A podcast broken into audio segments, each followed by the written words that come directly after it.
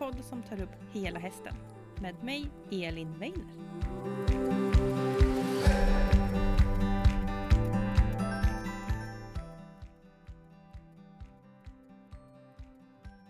Hej och välkomna till Equipodden. Nu är det äntligen onsdag och dags för ett nytt avsnitt. Och nu är det inte mindre än avsnitt 54. Det går så himla fort och det är så fantastiskt roligt att få driva den här podden. Idag så får vi lyssna på Louise E. Chatelli som håller på med frihetsdressyr, hon håller på med unghästträning, hon håller på med trygghetsträning och hon driver också ett ofantligt spännande projekt som heter Sjukhushästen. Där hon åker runt med sin Lusitano-hingst Hannibal och eh, två kaniner, en hund och en liten shettis till massa sjukhus runt om i Sverige och bara får sprida glädje. Louise delar med sig om eh, tankar när det kommer till unghästar, trygghet då som sagt. Hon berättar lite om hur man börjar med eh, frihetsdressyren, tips och tankar kring det. Och hon berättar mer då som sagt om sjukhushästen. Och sjukhushästen är ett ideellt projekt som Louise gör och eh, vill man stötta det så finns det ett swishnummer på Equipoddens sociala sidor och även på Louise egna sidor på Louise E. Chatelli på Instagram. Jag tycker det här blev ett jättespännande och intressant avsnitt och jag hoppas att ni också ska tycka det. Så glöm inte gå in och följa Equipodden på sociala medier, på Facebook och på Instagram. Och lyssna in om eh, trygghetsträning, frihetsdressyr och sjukhushästen.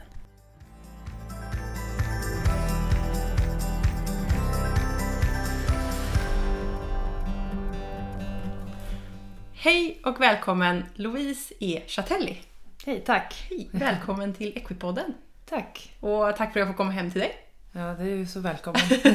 för nu är vi hemma hos dig. Och kan inte du börja med att berätta typ var vi är och vem du är? jo. Nu är vi i Södertälje, Mm. eh, strax utanför Stockholm. Eh, vi är här på en gård där jag har ett 20-tal hästar. Mm. Eh, jag tar emot hästar och jag har inackorderingar. Eh, och eh, vad mer vill vi berätta?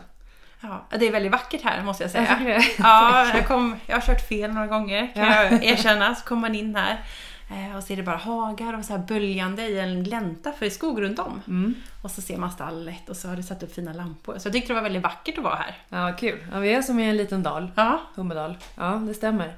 Eh, Så vi är alldeles ensamma här ute. Eller vi, jag ska säga jag är alldeles ensam här ute. du, hästarna och hunden. Exakt, och så har vi några kaniner också. Ja, just det. Och lite vild, vilda djur kanske. Mycket vilda djur Ja, skulle jag som säga. kommer förbi. Ja, jättemycket som kikar förbi ibland. Ja. Och vad jobbar du med, eller vad gör du? Jag eh, jobbar som eh, framförallt unghästtränare och då har jag fokuserat på hingstar. Mhm. Eh, det har ju varit min, min drivkraft.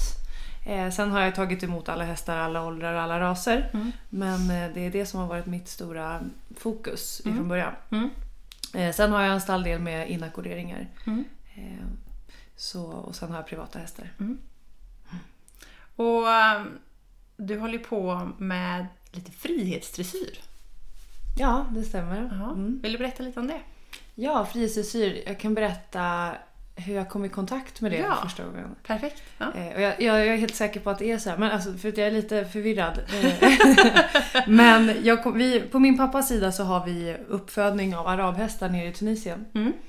Eh, och när jag har varit där nere som, som barn så vet jag att eh, vi red åsnorna där nere med en halsring då, eller något slags rep runt halsen. Jaha. Så det var nog första kontakten jag hade just med den här kommunikationen Ja. utan ett träns och, Ja. och ändå rida. Ja. Eh, sen gick det några år till Mm. och jag flyttade till Los Angeles i Hollywood en sväng. Eh, och jobbade då på ett sånt där rescue-ställe.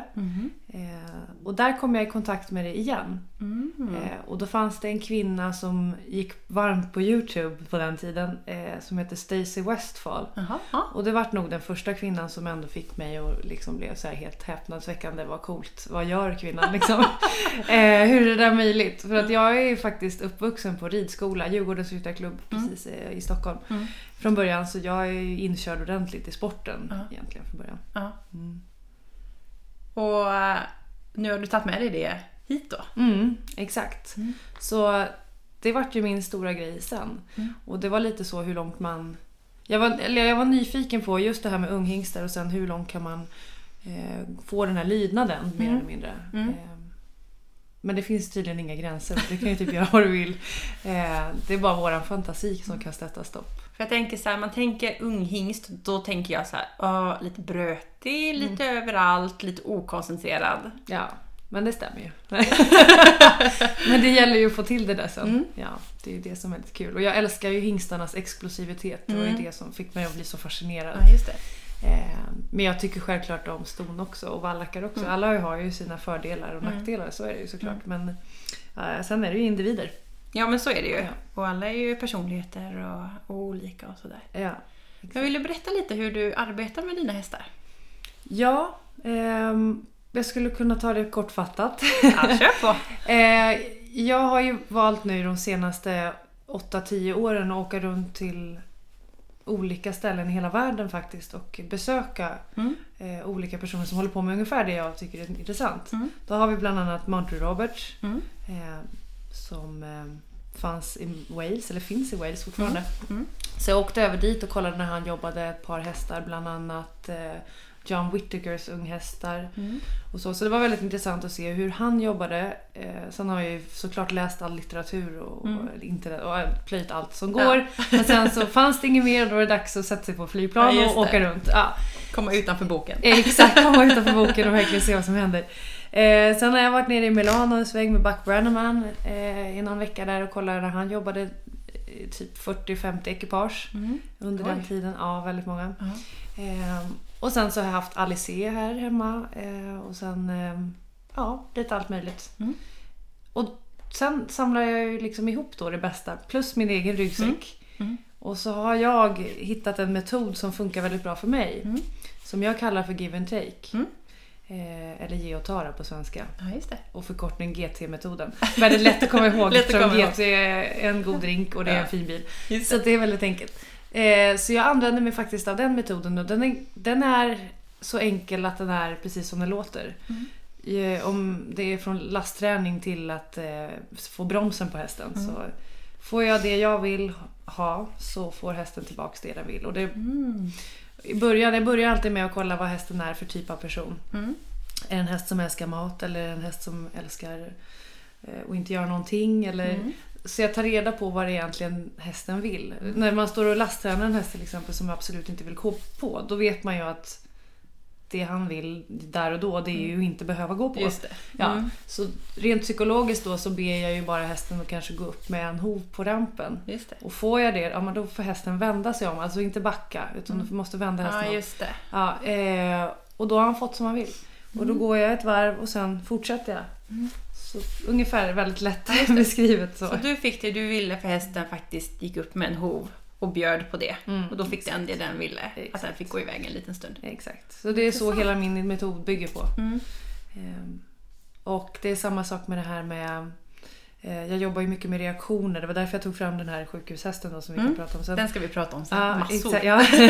Han är... eh, Jo, då ville jag se hur långt jag kunde gå med just den här sjukhushästen. Mm. Eh, för att han skulle ju då bli min levande reklampelare. Just det. Ja. Mm. Där jag också har med honom ibland på clinics och så för att kunna visa. Mm. Det handlar om... eh, De har ju sin reaktionsförmåga. Mm. Mm. Och den går ju egentligen inte att göra så jättemycket åt. Nej, men nu börjar Siri prata. Okej, Okej, vi börjar om. Eh, jo, det handlar om reaktionsförmågan på hästen. Mm. Eh, det är ett reaktionsdjur som vi vet. Japp. Eh, och det är inte så mycket vi kan göra åt åt det. Men vi kan däremot få lite mer kontroll över det. Mm. Eh, och, och det är det jag försöker förmedla. Mm. För du kan ombilda eh, deras sätt att tänka Mm. i en sån situation. Mm. Istället för att de vill springa så kan du få dem att lära sig att stanna. Ah. Men det som du måste göra då det är att utsätta hästen för saker som gör att han vill gå iväg, springa eller bli reaktiv. Just det. Ja. Eh, därav blandar jag med spön och, och påsar och så just för att få upp de här känslorna. För att Ah. visa dem hur du ska välja att hantera dem. Ja, just det. Det kan handla allt från att sadeln hamnar på sned till att det blåser förbi en på- plastpåse. Mm. Eh, vad som helst. Mm. Men jag vill se den här biten att istället för att stanna, springa iväg så stannar du upp och det. tittar. Och det, man snackar alltid om att människor och hästar är så olika. Mm, Att de är mm. reaktionsfria. Men vi är egentligen exakt likadana på Mm. det här med reaktion. Mm. Mm. Eh, vi blir också rädda Ja. och hoppar till om det kommer något oförutsägbart. Japp. Men skillnaden där vi skiljer oss åt, det är ju ändå när vi väljer att agera. Mm. Vi kör, kör gärna in fingret i ett eluttag och ser ifall det var där det lät. Men en häst gör ju inte det utan de drar ju åt andra hållet och chansar inte. Mm. Mm. Och det är där jag försöker jobba just den här tryggheten då. Ja, jag tänkte på det du sa. Det här med att eh, dra iväg. Att liksom att man... Eh, att jag själv liksom tänkte, kände igen mig själv. Att liksom så här, att tankarna kan dra iväg ibland. Och att liksom jag också behöver träna och liksom stanna upp och bli medveten om mina tankar och inte bara whoosh. Eh, och precis det som du gör med hästen då. Mm, exakt. Och då är det mycket trygghetsträning i det. Ja, Mm. exakt. Och då handlar det om att man får inte börja med, med level 42. Nej. Utan det är bra om man börjar på level 1. Ja. Eh, så man kan successivt se hur hästen utvecklas och svarar på, på en sån typ av behandling. Mm. Men däremot så får du säkert ta oss några steg tillbaka. Mm. Sen måste man ju vara ödmjuk i och tänka att det fortfarande är en häst. Mm. Och samma sak med den här sjukhushästen. Mm. Att han är fortfarande ett djur och kan agera. Men han är inte en dator. Och de har också sina dagar upp och ner. Ja, Så man kommer ihåg det. så är det verkligen. Ja.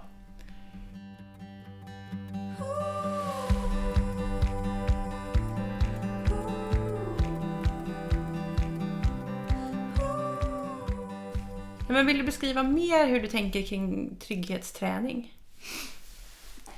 Ja, jag tycker att det är väldigt viktigt att man blir eh, medveten Mm. om hur hästar tänker. Mm. Eh, Och att man kanske tänker utanför sin egen box Mm. och tar hjälp av varandras erfarenheter. Mm. Och alltid som sagt är ödmjuk med både med varann som dig och häst och även dig och människor. Att alla uppfattar saker och ting olika. Mm. Så det är alltid bra att komma till den punkten. Mm. Eh, Och sen ha respekt för dem såklart. Mm. Mm. Eh, Och säkerhetstänket är viktigt. Mm. Mm. Superviktigt. Eh, Jag tycker själv att man ska ha en, en grundträning i alla fall. Man behöver absolut inte kunna rida utan träningsinne på Gröna Lund eller vad det nu är som jag har hittat på på Instagram. Och så. Mm. Det, det säger jag, den nivån behöver du inte lägga det på för den tiden kanske inte finns om du vill bli duktig i hoppning eller dressyr. Då måste man ju Mm. fokusera på en sak. Mm. Men eh, det finns en grundtrygghet som jag tycker ska finnas. Ja. Ehm, Så att ja, jag skulle säga att man ska lägga ner i alla fall en gång i veckan på det här. Mm. Mm. Och det är applicerbart för alla helt enkelt. Ja, Mm. oavsett ras, disciplin, storlek. Mm. Det är jättebra. Och just för att vara säkrare, säkrare ridning. Alltså Mm. vara säker, mer trygg i sadeln. Och om man, eh, eh, om man kommer till dig och behöver lite hjälp, när, i, liksom, när skulle man behöva ta lite hjälp med det här med trygghet? Alltså, vad finns det för signaler? Eller som, om man äger en häst och man har lite problem, vilka problem är det man kan få hjälp med? Alltså nio av tio personer som, som har sök, söker sig hit med privatlektioner så, vilket jag inte har längre. Jag tar bara emot hästar. Mm. Eh, men eh, då är det ju för att det har hänt någonting. Mm. Och det är också ganska tråkigt. Inte tråkigt men det, det är dumt skulle jag säga. Mm. För att det är bättre att börja innan det har hänt någonting. Mm. Eh, Så jag hade önskat att man kunde förmedla till alla att alla, det borde finnas med i ridskolan från början. Eh, hur en häst fungerar, vad är en häst överhuvudtaget? Och Mm. inte bara hur man rider och hur utrustningen Just ska det. se ut. Hur man inte trillar av. Hur man inte trillar av eller hur man trillar av snyggt. Eller? Ja, precis. eh, nej men det tycker jag är superviktigt. Att det är med Mm. hela vägen. Men jag tänker om man lämnar en häst hos dig, Mm. vad brukar du få vad brukar du få jobba med? Eller vad brukar folk komma med dig till? Det finns två typer av hästar som i regel kommer till mig. Mm. Eh, det är dels de här unghästarna som är helt färska. Mm. Sen har vi de här som kanske har påbörjat en inridning och att eh, det kanske inte har gått så bra. Mm. Eh, Så i min regelbok, eller i min värld, då vill jag att hästen ska först vara genomkollad oavsett en rå häst, alltså en, en ny häst. Mm. Mm. Eller en häst som har påbörjat, eller är riden sedan ett år tillbaks. Mm. Eh, Ska genomkollas av veterinär. Mm. Eh, så att den är pigg och fräsch om det är så att han har börjat med bockningar eller stegringar. Eller Mm. något där. Mm. Ehm, men, och sen vill jag gärna ha en tandcheck. Mm. Så att de papperna är clear. Så de är gröna så jag vet att hästen är frisk. Just det. Mm. Att det inte är något fysiskt fel. Exakt, Mm, för det är skönt. jätteviktigt. Mm. För det är jättesvårt för mig att veta hur mycket jag kan trycka på och hur mycket jag inte Ja. kan trycka på. Om inte hästen mår bra. Så det är jätteviktigt. Det är A och O tycker jag till all, till all träning. Mm. Eh, sen när man då har klivit igenom det, då är, är det ju de här två olika hästarna. Den här råa hästen som kommer, Mm. eh, som ingen har hanterat. Mm. Den är ju mycket lättare att börja jobba med än den som de redan har börjat jobba med. Mm. Om det har gått fel. Om det har gått fel ja. Exakt, för att lära om det, då har de ju ändå lärt sig att det går att göra vissa saker för att slippa det här arbetet eller vad det nu handlar om. Just det. Medan den andra har ingen aning. Mm. Mm. Ehm, Så det är de två olika typer av hästar som Mm. kommer till mig. Eh, Men då jobbar jag hästen själv ett par veckor och sen sista veckan så kommer ägarna och så jobbar vi då tillsammans. Ja, just det. Och vad brukar du jobba med då? Jag tänker om man har Mm. en ung häst nu. Yes. Hur ska man tänka i första hanteringen? Ja, om du lämnar in den här hos mig så har ju jag ett grundprogram Mm. för de här. Och då säger jag att det tar mellan en och tre månader beroende alldeles på vad det är för individ. Just det. Mm. Eh, och hur den ser ut muskelmässigt och allting. Om Mm. den orkar galopp och så.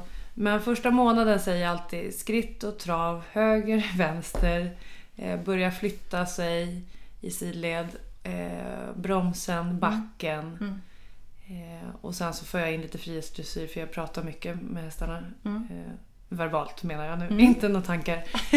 Verbalt. Ja, verbalt. Eh, och sen så ska den kunna lastas, den ska kunna duschas och den ska kunna gå till hovslagaren och Mm. gå till tandläkaren. Det är grundpaketet och den ska st- stå still på Ja. plats. No matter what. Den ska stå helt still. Ja. Det låter som allas drömgrund. Ja, exakt. Rakt Men just det, jag glömde. Du måste, du måste kunna hoppa upp också. Ja, just det. Ja. Stå still, hoppa upp, Ja. svänga höger, vänster, rakt fram, duscha. Och så. Ja, Ja. det var liksom... Det är Det grundpaketet. är grunden. Sen, det som inte jag tog med nu det är ju galoppen för den är så otroligt individuell. Vilka Mm. som orkar med galoppen. Just det. Så det är den som brukar vara lite så här svajig. Mm. Men allt annat det där ska kunna sitta. Det är ju grymt bra. Mm. Det är ju nog väldigt skönt att få hjälp med. Ja. Vilken frihetsdressyr lägger du in då? Men då lägger jag in de här grejerna då om vi ska prata om frihetsdressyren. Mm. Eh, Vi kör för lite jag, frihetsdressyr. Ja, för jag har ju gjort den där, eller vi gjorde den här filmen. Ja. Ja. Eh, och många frågar ju mig så här, vad, vad, vad är frihetsdressyr eller hur gör man? Ja. Och jag skulle säga att nyckeln till frihetsdressyr är att vara konsekvent Mm. jämt, alltså svart och vit. Mm. Så ett tips som jag kan ge redan från början nu, Ja. det är att man skriver ut ett papper Ja. eh, på en häst. Ja. Och sen sätter du olika punkter på hästen. Mm. Och sen drar du streck ifrån punkterna vart du vill ha vissa saker. Säg att spansk ritt sitter på vänster armbåge och höger armbåge. Ja. Då ska du ha en punktmarkering där, alltså det är som en triggerpunkt för att få det här. Ja. För det måste vara samma punkt varje gång så att det inte Varenda gång. är Ja. i vänster öra på onsdagar och någonting annat på fredagar. Jag förstår, så att det blir väldigt, så allt ska vara så tydligt och enkelt som möjligt. Och den här kartan är ju till för mig, alltså, eller för oss Mm. och inte för hästen såklart. Utan det. Ju enklare vi har desto lättare är det. Men sen så lägger jag också till ett ljud Mm. som är kopplat då till alla de här olika grejerna. Mm. Mm. Så på den här videon då som jag visar, Mm. då har jag ju två olika typer av eh, en spansk ritt och en panterwalk. Just det. Eh, som många tar fel på men det är inte samma sak, det är två olika saker. Mm. Och där har jag ju två olika ljud. Mm. Och då tränar jag först ifrån backen oftast och sen när jag sätter mig uppe på hästen då ska han kunna koppla ihop det här ljudet med vad vi har gjort från backen. Just det. Mm. Jätteviktigt. Jätteviktigt. Så det är jätteviktigt att du använder samma ljud. Mm. Så när du har skrivit de här punkterna och de här strecken så lägger du även till ljudet. Mm. Och då är det till allt. Det, menar, att det är till trav, det är till skritt. Och det kan heta skritta eller det kan heta S-ljud eller det Mm. kan vara vad som helst. Mm. Men bara du känner dig bekväm med det. Just det. Sen har du bromsen, kan du säga vissling eller how eller ho eller vad som helst. Ja, just det. Bara man säger samma sak. Just det.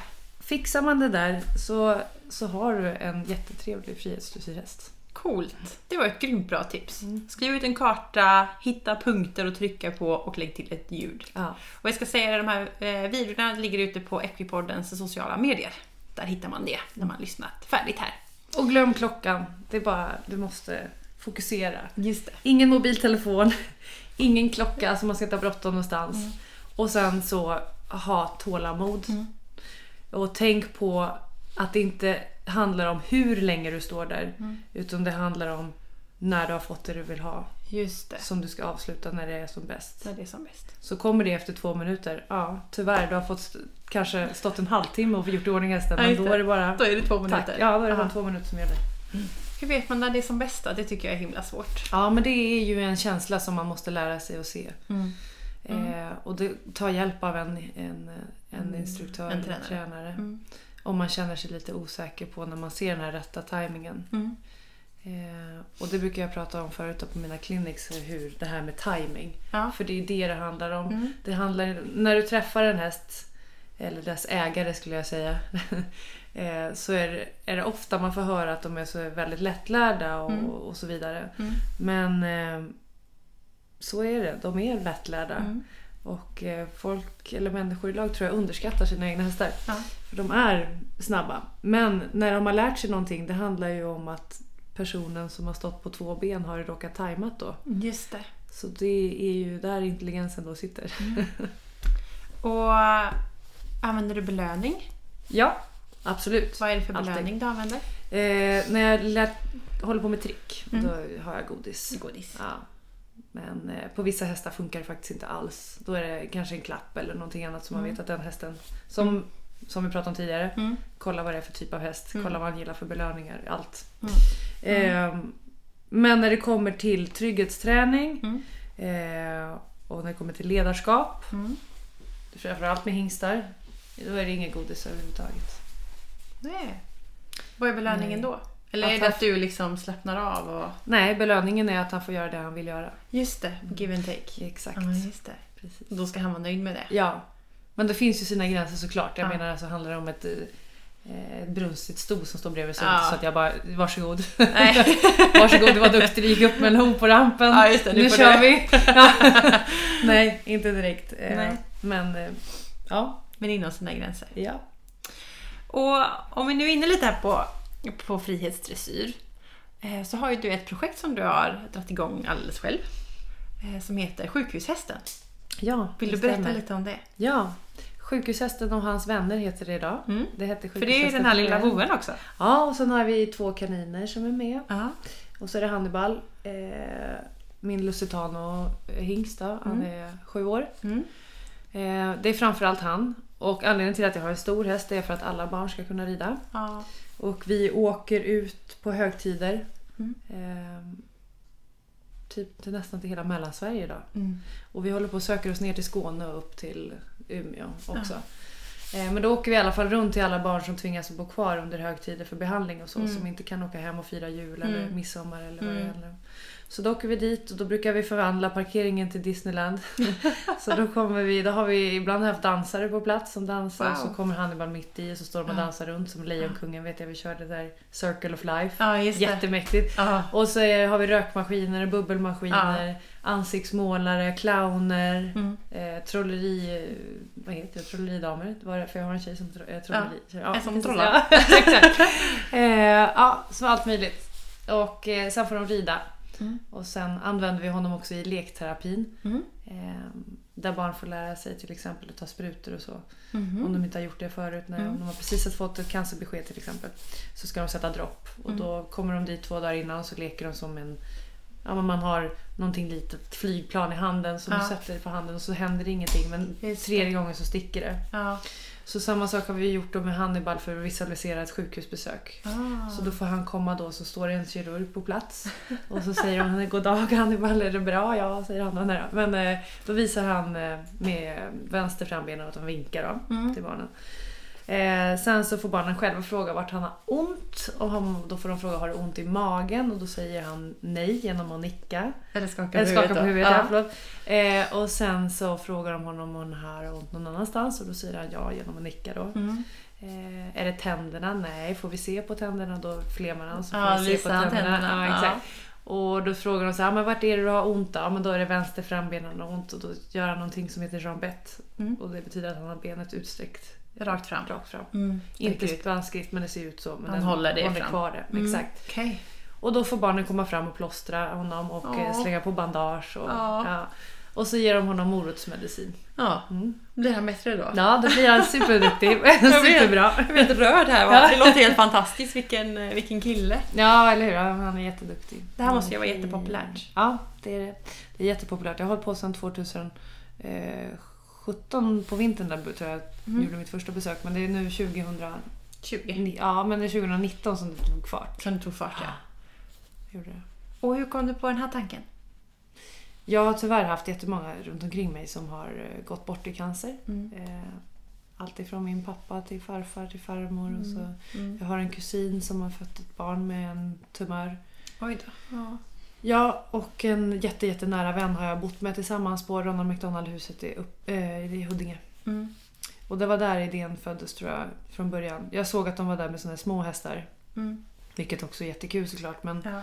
de vill ju alltid rida eller oftast rida. Och sitta hålla lite. Ja, exakt. Men det Ja. går ju inte när de är så där små och sen så är det ju ända upp till 18 år. Då är det, Ja. går det verkligen inte. Nej. Så därför så tänkte jag att eh, i och med att det är det jag håller på med eh, just med trygghetsträning så, Mm. så tänkte jag att det är dags. Mm. Så då la jag upp en, en plan, tvåårsplan för Hannibal då. Mm. Ehm, och jag tränade väldigt mycket. Mm. Väldigt, väldigt mycket. Ehm, och jag hade olika delmål Mm. som man skulle klara av för att kunna gå vidare. Mm. Tills jag kände mitt, mitt sl- slutmål var ju att stå på Plattan i Sergels torg i Stockholm Mm. och göra mina övningar som jag ber om. Och de ska fortfarande gå att göra utan att han fokuserar på annat i Ja, trafiken. det. Och det klarade han då väldigt bra. Plus att vi hade då rullstolar med oss som vi körde då mot hans bakben och så. För att han absolut inte får veva dem utan man får lyfta dem och man får Ah. inte kicka. Annars är de stilla. Ja, Ah. precis. Wow.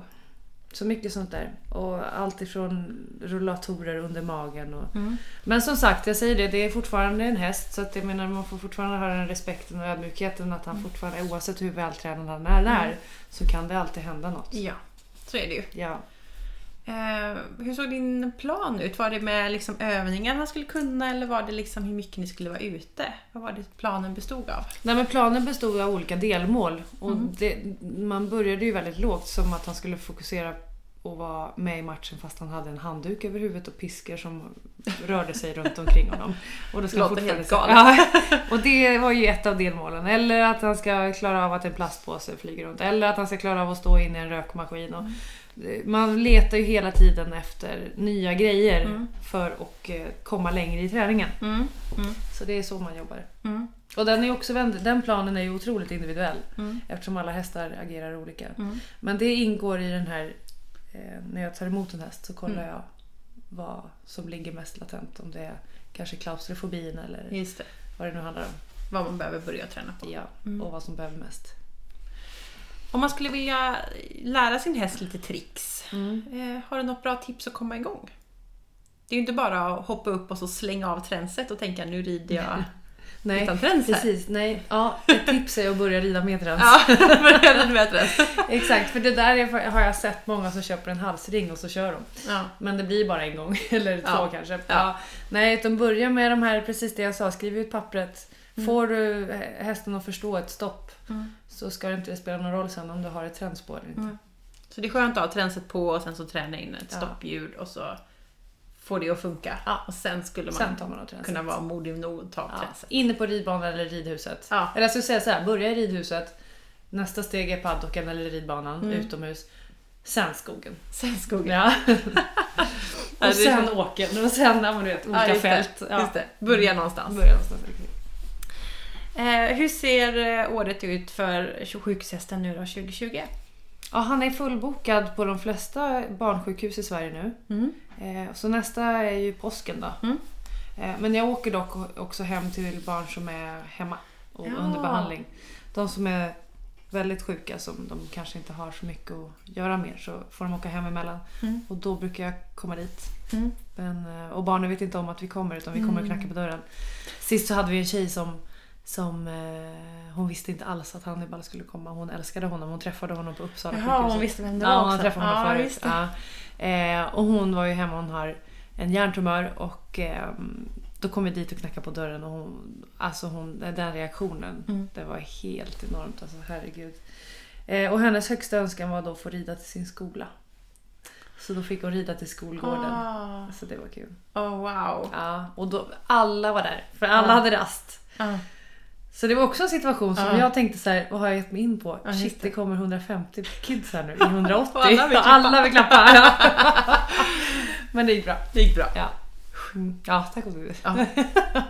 Du måste ha en väldigt tillit eh, till din häst. Ja, men det bygger man när man håller på med här övningar. Mm.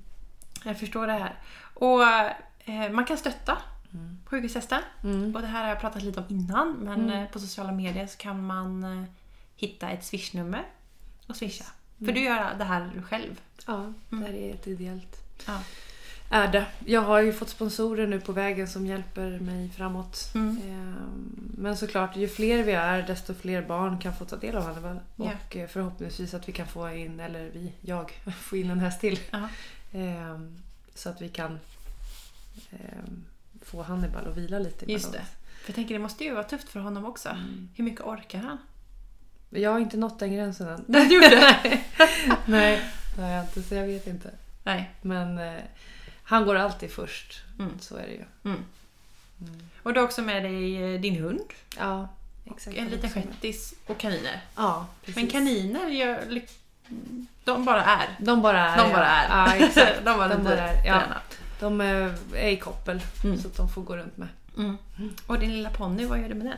Nej, men han var egentligen eh, inte meningen att han skulle komma till mig. Eller jo, det var det. Ja, det, var, det är en arbetsponny. Mm. Han skulle komma hit på ett uppdrag. Mm. Eh, men eh, han och Hannibal kom så otroligt bra överens. Fast de stod i hagarna bredvid men jag såg att de började gilla varandra. Ja. Och det är faktiskt den enda hästen som jag sett att Hannibal inte tycker om. Ah. Så då ringde jag och frågade hej kan jag få köpa din ponny istället? Och de bara nej, aldrig i livet. Jag bara men jag måste. Hannibal måste. Ja exakt, Hannibal vill ha den här. Ja, nej men då gick det till slut och, och den här Snöboll då som han heter, han är Mm. helt besatt av Hannibal. Nej. Jo, det är Vad häftigt. Mm. Jättekul. Och lilla Chip här nu då som är mellan mina ben och blir kliad Ja. bakom öronen. Ja. ja, han är också med. Mm. Eh, han har också börjat jobba, eh, eller han har också börjat i träningsgrupp för Missing People Mm. som personsökhund. Just det. Eh, men han är, han är också en sån här sjukhushund som det heter då. Så han har en sån här väst som det står sjukhushund på. Just det. Och då kommer de och ja, de får gå promenader med honom och de får Ja. leka. Men, ja. Mm. Är det någon skillnad i hundträning och hästträning? Hästträning är lättare. Vilket ja, sätt? jag tycker hundar är mycket svårare. Ja. Hundar har så mycket olika nyanser och de kan tycka och tänka mer än vad en häst kan. Mm. Mm. Det är lättare med hästar. Jaha. Tänker att eh, hästar är mycket större också. Ja, exakt. Väger lite mer. Ja, exakt. Ja, nej då.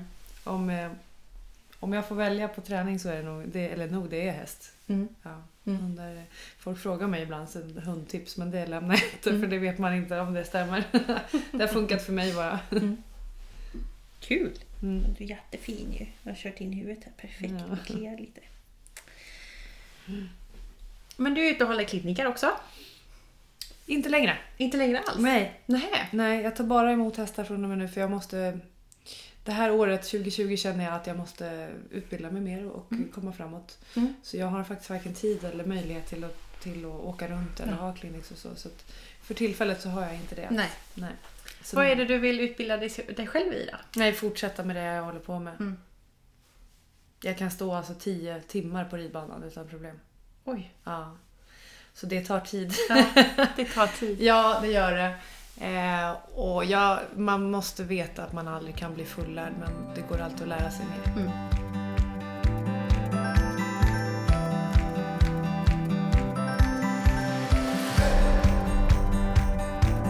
Så om man sammanfattar frihetsdressyren lite grann här nu då så, så är det liksom skrivit en karta och konsekvens, hitta dina punkter och skapa ljud Ja, för olika saker. exakt. För då kan man trycka när man är på marken och ljud när man sitter uppe på. Ja, exakt. Eller du kan oftast trycka på samma saker när du sitter uppe också om du har Ja. spö. Eller. Det är därför oftast man använder spö i frysdressyr. Jag har till och med dubbla bara för att komma åt åt Ja, det. båda sidorna. Vänster ja. och höger bak. Ja, exakt. eh, absolut. Men alltid vara svart eller vit. Mm. Aldrig några gråzoner. Mm, För att komma fortare framåt just det. så får du succé. Hur länge kan man stå, liksom, jag tänker så här, hundar säger man max 10 minuter för sen blir de trötta. Det, och sen så är det såklart en sanning modifikation och det är såklart med hästar också. Mm. Men ett pass när du jobbar liksom sådär, jobbar du med samma punkt hela tiden eller jobbar du med lite olika? Jag brukar ha tre olika saker. Tre saker på en dag? Ja, det brukar jag ha. Mm. Eh, men däremot så står jag som sagt inte länge med Mm. samma grej. Det handlar om 5-10 minuter oftast. Ja. Och så känna att du får det du vill ha. Ja, att sitta på topp. ja exakt. Mm. I så fall tar jag två, hellre två träningar på en dag än Just en det. lång. Det är ju faktiskt väldigt smart. Ja, Man kan börja och sen så grejer lite stallet så kör man en liten stund ja till. exakt. Om man bara är stallet än. Ja. Och när det kommer till trygghetsträning, om vi kopplar tillbaka lite till det då. Mm. Använder du redskap runt? Är du mycket ute i naturen eller hur jobbar du där? Mm, jag använder allt som finns. Så Mm. fort du märker att hästen reagerar på någonting så använder jag det. Då ska du ta fram det. Exakt. Ja, men är det så att det kommer någon med barnvagn eller paraply eller om det är en soptunna eller en påse eller vad, vad det än handlar om. Mm. Så tar jag tillfället i akt och tränar. Mm. Sen så har jag ju med mig det att jag vet att den här hästen gillar inte saker som kanske kommer ovanför huvudet. Just det. Då är det ju det jag kommer lägga mycket fokus på en tid framöver. Mm. Men sen kanske jag får en häst som inte alls gillar någonting som kommer bakifrån. Mm. Som är väldigt, väldigt bakskygg. Mm. Och då är det ju det jag jobbar på. Men sen kommer jag fortfarande jobba hela hästen runt om. Mm. Men jag tittar ju på deras svagaste punkter för att kunna Just jobba det. med det helt hårdast. Och det är det du gör i din grundanalys när de Ja. kommer helt enkelt. Exakt. Och då är det give och take. Jajamän. Mm. Yes. Eh, är det ofta så att man kommer att få komma till dig och säger om jag har det här problemet eller jag vill ha hjälp eh, med det här. Och så ser du att nej men det är det här borta egentligen som hästen har- är rädd för. Eller brukar ägarna ha bra uppfattning om vad hästarna behöver träna på? Alltså både ja och nej. Mm. Men eh, hästägare har också en tendens till att ha en förklaring på saker som kanske inte stämmer ibland. Eller Mm. riktigt samhällsdelning. Mm. Men däremot så absolut. Men eh, jag säger det, det finns ingenting som är rätt eller fel och det finns inga eh, korrekta sätt att nå framgång heller. Utan Mm. det är det, du ska göra det som passar dig. Eh, och märker du att du får resultat så är det det du ska göra. Mm. Eh, sen så har vi ju olika sätt att ta oss dit. Det här är ju mitt sätt att ta mig hit och dit. Mm. Men det, behöver inte, det betyder inte att de andra sätten man kan ta sig dit eh, Mm. inte stämmer. Så det där är väldigt vanligt. Det, är ju, när man ska lära sig då spansk ritt som vi har pratat om idag. Det finns ju mängder olika sätt att ta sig dit. Ja. Och det finns ju ingenting som är rätt eller fel, bara Mm. vi når samma resultat. Just det. Eh, men då det, finns det en tendens till att man kanske säger att ja, det, det är så här man gör. Mm. Men i min värld så finns det inte så. Utan det, Mm. det här är ett sätt som man tar sig dit på istället. Mm. Mm. Eh, en lyssnarfråga som jag har fått in det är eh, vi har, vad har du för bästa tips att utveckla sig själv och utbilda sig själv om man vill bli bättre? Vad är ditt bästa tips? Ja, det skulle jag säga. Mitt tips i alla fall. Mm. Så som jag funkar. Eh, skriva en lista. Mm. Vart jag vill någonstans. Mm. Och hur jag tar mig dit. Mm. Och sen hålla mig till planen. Mm. Och om det är någonting nytt som dyker upp så får jag fråga mig frågan. Håller det här i min plan? Mm. Svar nej, då är det ingenting jag ska göra. Svar Mm. ja, då är det någonting jag ska göra. Mm. Så där, stick to the plan. Just det. Hela tiden. Det är mycket målarbete. Mm, mycket målarbete. Och sen så måste man verkligen behålla, som sagt, jag pratar mycket om ödmjukhet för jag tycker det är så viktigt. Mm. Det är så viktigt för stämningen i stallet för Mm. det är också superviktigt att Mm. man trivs och komma till stallet där Mm. man är. Eh, och en ödmjukhet mot djuret eller mot hästen själv. Eh, och sen mot sig själv. Mm. Eh, vi har en tendens till att vara väldigt hårda mot oss själva. Ja. Men att släppa det lite och ha kul istället. Mm. Mm. Jobbar du mycket med mål generellt? Mm, bara mål. Bara mål.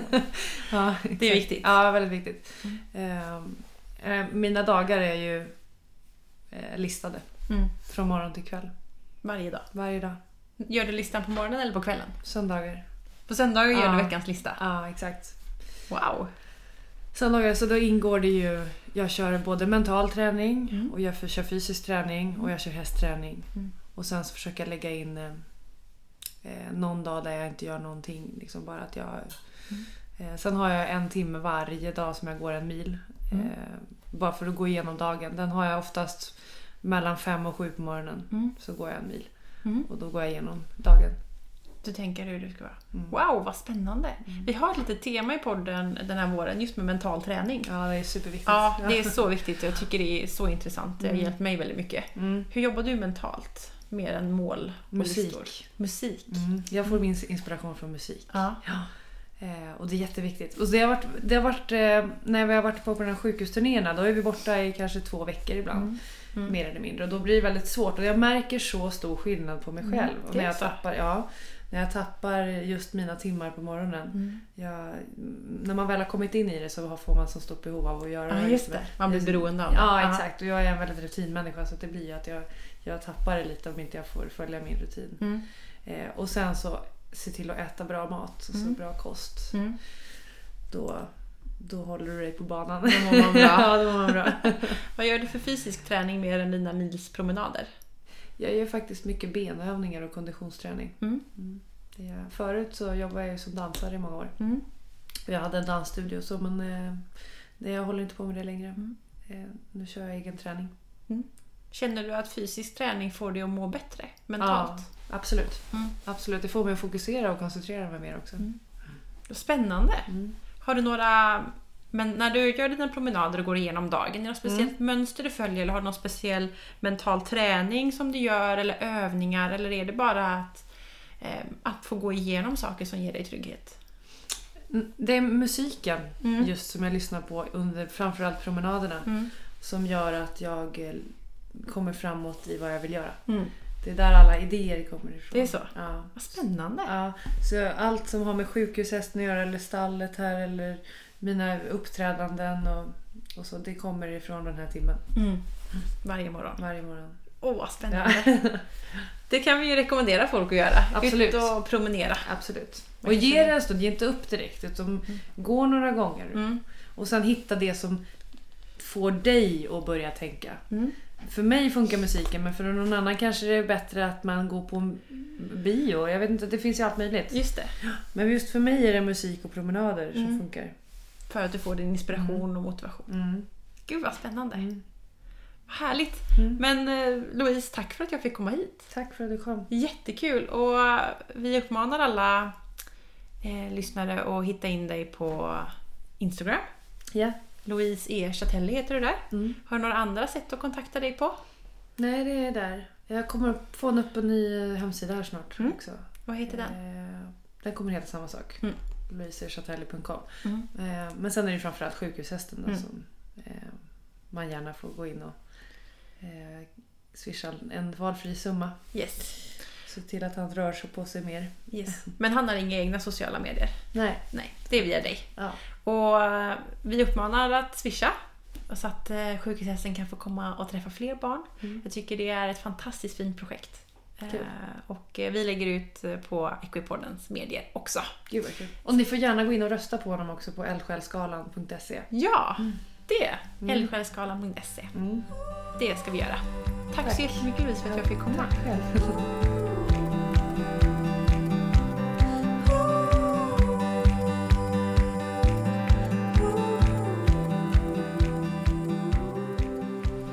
Louise för att jag fick komma hem till dig, för att du delar med dig av ditt sätt att tänka med unghästar, ditt give and take system, att du berättar om hur man ska börja med frihetstillsyn och för att du delar med dig om sjukhushästen. Jag är djupt imponerad över ditt engagemang med eh, Hannibal och dina historier som du berättar. Ni som lyssnar nu får jättegärna gå in och följa då Louise på Instagram, Louise E. Chatelli. Och även Equipodens sociala medier på Equipodden, Youtube, Instagram och Facebook. Där finns det, kanske, där finns det nu lite filmer, ska jag säga, där Louise visar då Spanskrit och pantherwalk som vi nämnde i avsnittet här. Och vill man stötta sjukhushästen så finns det ett swishnummer både på Louise sidor och på Equipodden där man kan då skänka en slant för att fler får ta del av sjukhushästen. Stort, stort tack till att ni lyssnar. Jag önskar er en fantastisk vecka. Hej då!